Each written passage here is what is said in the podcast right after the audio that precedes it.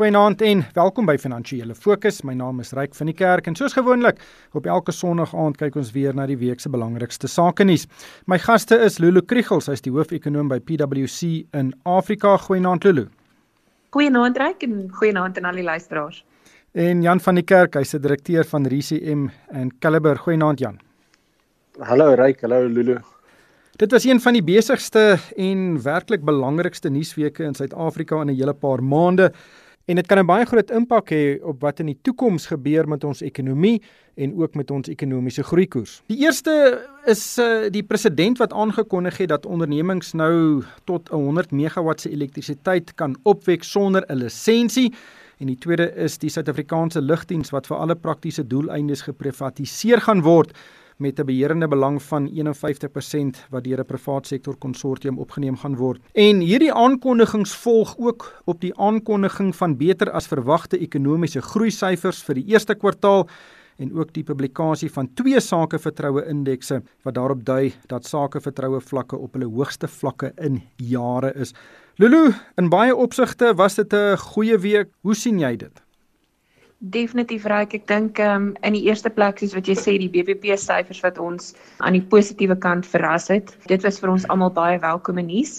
En om te sien dat daar uit die uit die sektore waar ho hoewel dit nie 3 is, maar 3 sektore is wat nou groter is as wat hulle voor die pandemie was. So dis 'n bietjie goeie nuus. Dit wys dat ekonomiese groei in die rigting rigting op pad is en dat dit nog definitief positiewe momentum het. En dan natuurlik my persoonlik al hierdie ander goed wat jy genoem het, SAA en so aan alles baie baie positief, maar die belangrikste as mens kyk na die kort, medium en langtermyn impak op die ekonomie is die aankondiging uh, dat dat privaat ondernemings en verbruikers hulle eie elektrisiteit kan opwek tot en met 100 megawatt.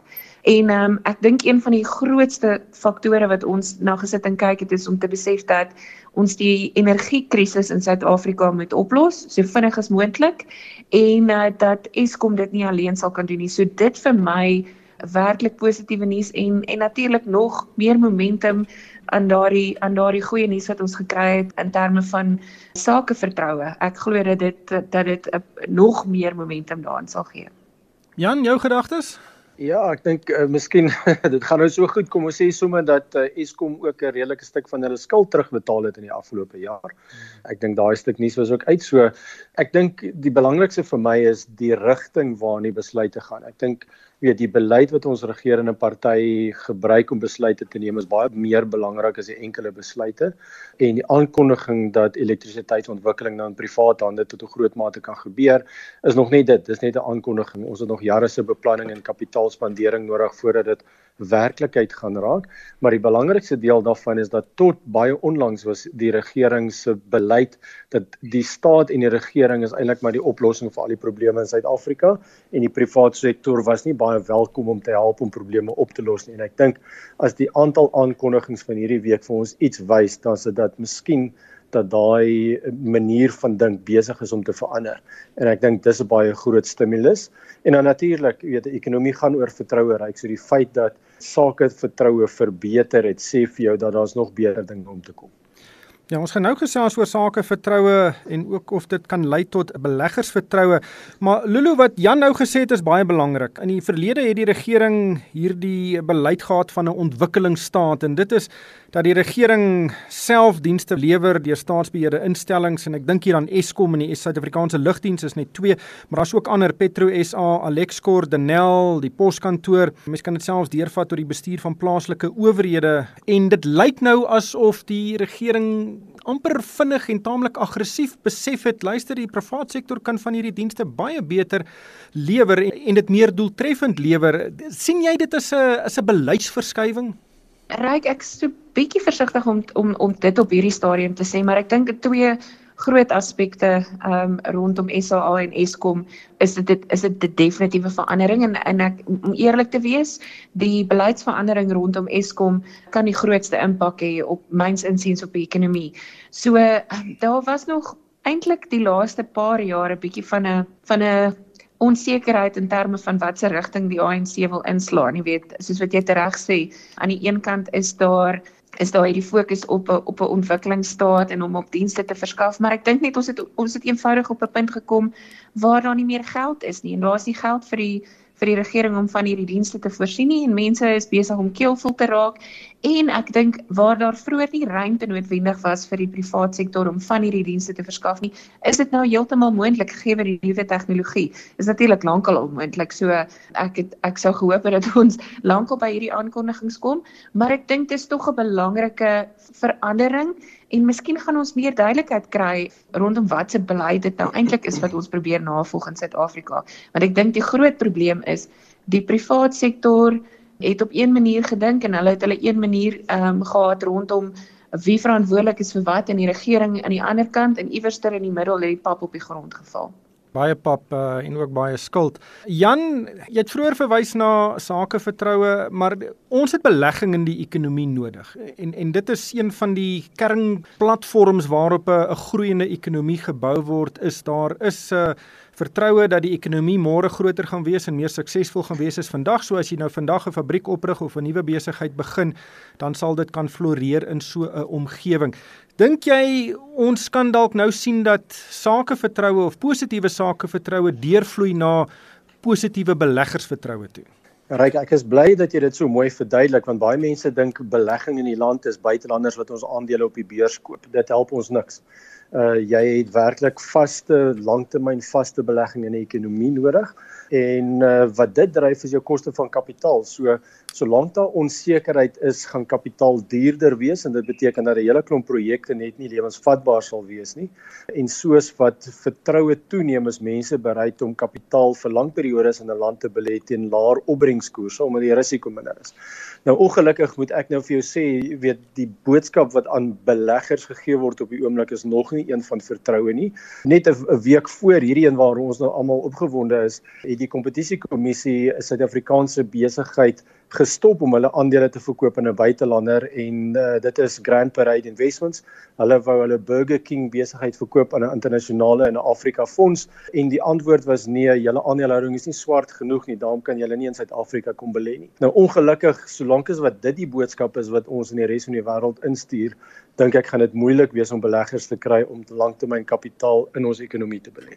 Lulu Jan maak 'n uitstekende punt. Kom ons klim gou in 'n lugballon en ons styg op en ons kyk af na ons mooi land.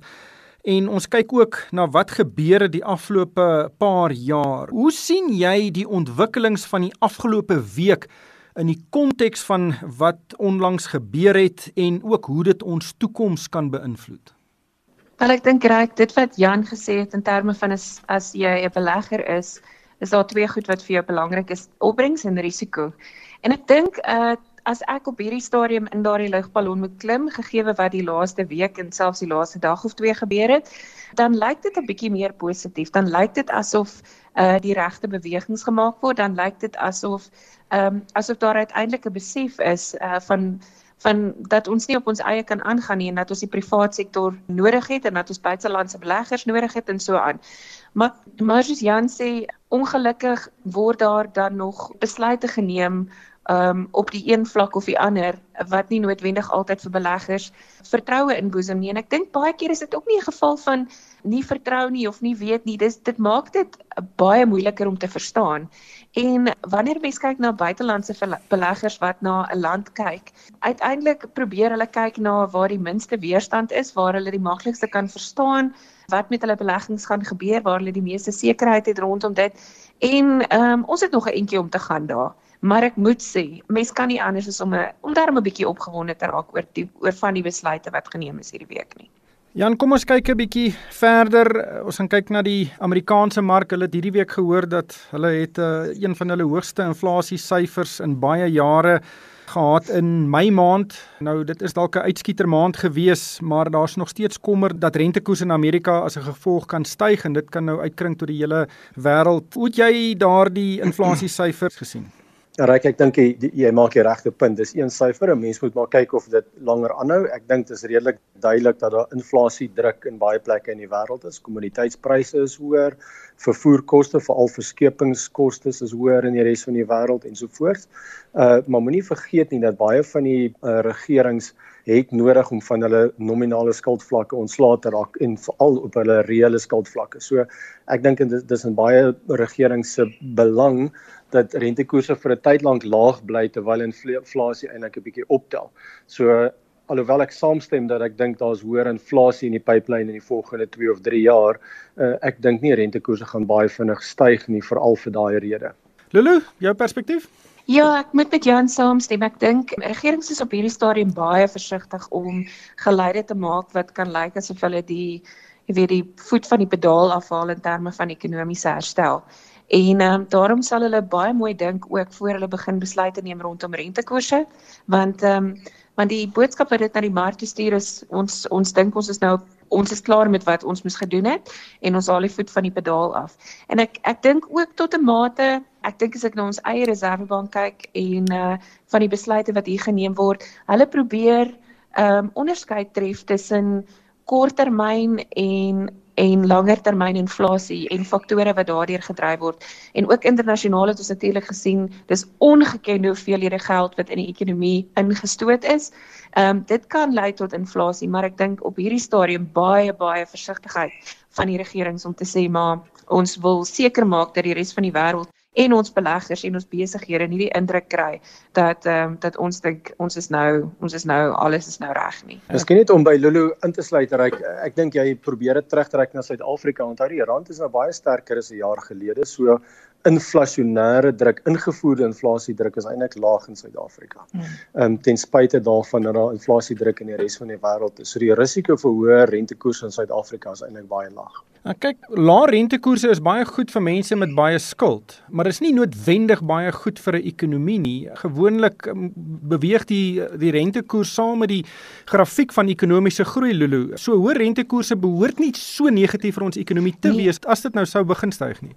Nee, en ek dink net dit dit as dit 'n bietjie toeneem, ek dink as ons byvoorbeeld kyk wat besig is om in om in die uh, Europese Unie te gebeur, hulle hulle behoort eintlik te sê dankie tog. Ons het 'n bietjie bietjie inflasie en daar's daar's 'n bietjie jy weet aktiwiteit in in daardie kant want hulle rentekoerse natuurlik, ag inflasiekoers nog nog steeds heelwat laer as Amerika se en dieselfde hier by ons.